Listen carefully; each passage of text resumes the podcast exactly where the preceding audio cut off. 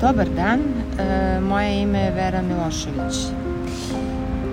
Ja bolujem od HLL-a i za bolest sam saznala 2014. godine slučajno zato što sam trebala da idem na neku drugu operaciju i traženo je mišljenje hematologa jer sam imala 20.000 leukocita.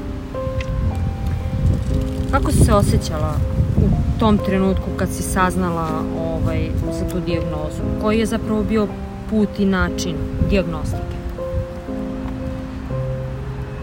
Kad sam saznala za dijagnozu, ne znam kako sam izgledala, ali osjećaj je bio užasan zato što mi je trebalo samo mišljenje da li mogu da idem na operaciju, a hematolog mi je napisao dijagnozu HLL, ostala bez reči. Da li si ikad e, pre toga čula za, za HLL, za hroničnu limfocitnu leukemiju, da ona ima neke stadijume, da ima podtipove? E, ranije nisam čula za HLL, čula sam za leukemiju i ovde sam u diagnozi videla hronična limfocitna leukemija i to kad sam videla leukemija, to je za mene bilo panikar.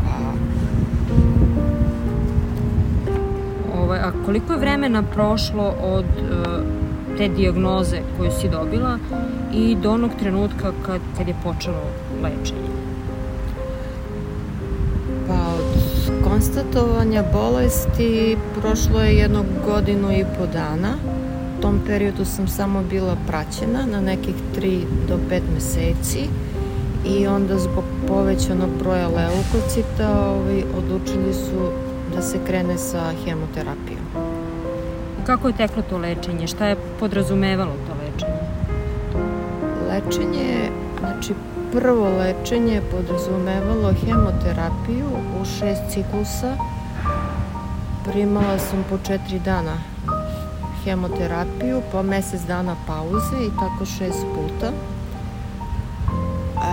Posle toga, pošto je ovo tip bolesti za koji nema mnogo lekova, nije veliki izbor, predložena je transplantacija da bi se produžilo dejstvo lekova na koju sam ja pristala. E, posle nje imala sam pauzu od godinu dana gde se moja bolest samo pratila i onda se pojavila ponovo pojavilo se pogoršanje bolesti tako da sam opet legla u bolnicu na ovaj novi ciklus kortiko, udarnih doza kortikosteroida jer nisu imali šta drugo da mi daju.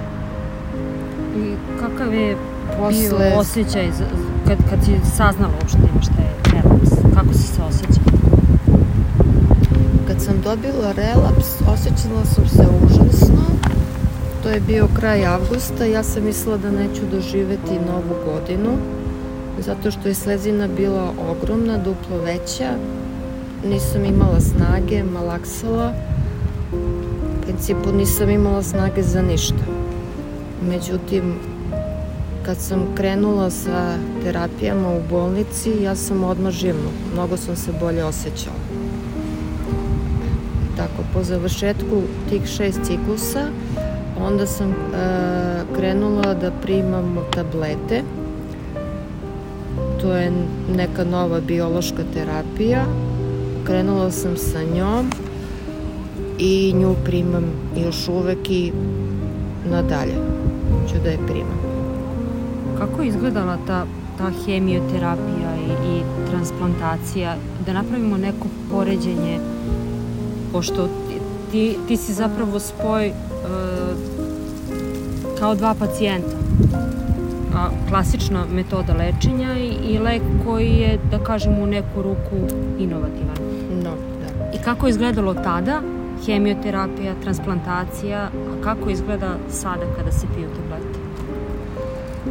Pa ovako, prvo hemoterapija izgleda tako što četiri dana ležim u bolnici, stavljaju mi one braunile i primam tu terapiju tu je moguće da dolazi do raznih ovaj, nuspojava od povraćanja mučnina, raznih bolova. Međutim, ja ništa od toga nisam imala. Jedino što sam stalno trčala u toalet, pošto sam morala pijem dosta tečnosti. Tako da ja sam sve vreme radila dok sam primala tu hemoterapiju, jedino te dane nisam, kad sam bila u bolnici.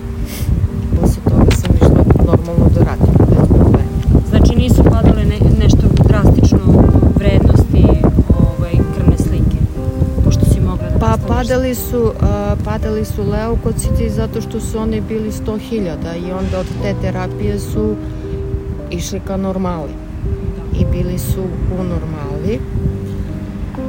Posle toga, ovaj, e, tokom te terapije urađena mi je biopsija i konstatovano da mi 17. hromozom nije u redu i zbog toga je i predloženo da se radi transplantacija koja je urađena sledeće godine, koju sam isto dobro podnela. Tu je bio veliki problem naći donora, pošto nisam imala srodnog Međutim, srećom nađen je totalno podudarni donor i ja sam to isto dobro podnela bez bilo kakvih problema. Jedino što ste vezani za tu sterilnu sobu, u njoj morate da ste mesec dana, preko prozora i telefona ste u kontaktu sa ostatkom sveta, ali to je to. To mora tako. U tom periodu mi je opala i kosa, kod hemoterapije nije opala kosa, a ovde prilikom transplantacije jeste, koja se posle ovaj, polako krenula da raste, da se vrati u normalu. E, znači, to su neke stvari koje su, e, to je bolničko lečenje. Sada što pijem lek, on je, ovaj, to su kapsule koje se piju svako jutro, piju se kući, ide se na kontrolu kad doktor kaže, hematolog da se dođe i, ovaj, i to je to, nema tu više ništa. Ja i dalje nemam nekih nuspojava i problema od raznoraznih što piše na onom upustvu za lek da može da dođe do problema sa srcem, plućima, stomakom, mišićima, raznim ranicama ja od toga nemam ništa, tako da o tome ne mogu da pričam.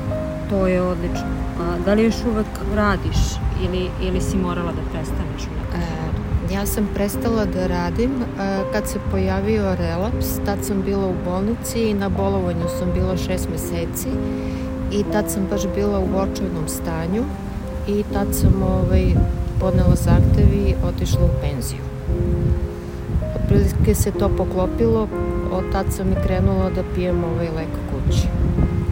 I u kojoj si sada fazi lečenja? Sad sam, sad sam na praćenju, primam lek na mesec i po dana.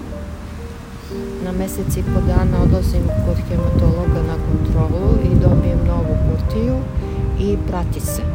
Znači, nema nekih pogoršanja, stvari u tome što bolest ne može potpuno da se izleči, ali je ovaj veliki plus u tome što stoji na na tom stanju stoji kako jeste. Trombociti jesu manji, neutrofili jesu manji, znači podložna sam infekcijama, podložna sam e, masnicama po nogama ako se negde malo jače udarim i to je to. Kako izgleda ove, lečenje pacijenta sa nekom tako teškom diagnozom kao što je HLL u vreme ovaj, pandemije kada je bukvalno ceo svet stao? Ili ima nekih promena u lečenju kod tebe ili prosto sve funkcioniše kao i ranije? Kod mene lečenje je bilo kao da nema pandemije, kao da nema nikakve ni vanrednog stanja, ništa. Jedino je bila razlika što sam morala da naručim taksi da bi došla do kliničkog centra, pošto nije radio prevoz. E, to je jedina razlika. Inače, u zakazano vreme odlazila sam na kontrolu, primala lek, tad mi je čak i rađena nova biopsija, koštane srži sve najnormalnije. A ta komunikacija sa lekarima, da li ti je potrebna uh, mimo tog nekog, da kažemo, zakazanog termina ili prosto nema potrebe za tim? Nema potrebe za tim. Oni napišu u slučaju bilo kakvog pogoršanja nekog da se javim, da dođem, međutim ja sam jedino zvala kad sam trebala da dođem na tu kontrolu kad je počelo vanredno stanje, da pitam da li se radi šta kako i doktor je rekao ne vi ste na terapiji sve nema nikakvih pomeranja da dođem u zakazanom terminu ovaj, kako su oni došli na, na ideju da vam daju taj novi lek je li to lek koji dobijaju svi pacijenti sa, sa ovaj, tom diagnozom ili su kod vas neki posebni uslovi bili ili imate informaciju o tom? E, ja koliko znam, e, taj je lek u svetu odobren 2014. za HLL pacijente, pacijenti kod kojih postoji ta delicija 17. hromozoma, to je jedan uzak krug specifičnih pacijenata koji su baš specifični, ne može da im se daje bilo šta i pitanje kako će to da se podnese. Međutim, ovaj je e, lek i za njih. U tim ispitivanjima ispitivali su i, i takve bolesnike. E sad, zašto sam baš ja odabrana, ne znam. Pretpostavljam zato što sam ja prošla sve, e, dobila sam sve terapije koje može da dobije HLL pacijent i posle svega toga došlo je do pogoršanja stanja. I da je to bio jedini put eto da kažem da bi me održali u životu. Nisu imali neki izbor.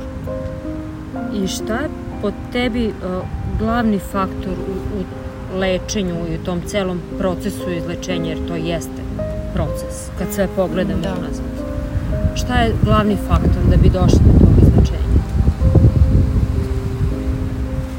Pa po meni je glavni faktor, kaže ono, da čovjek ostane hladne glave.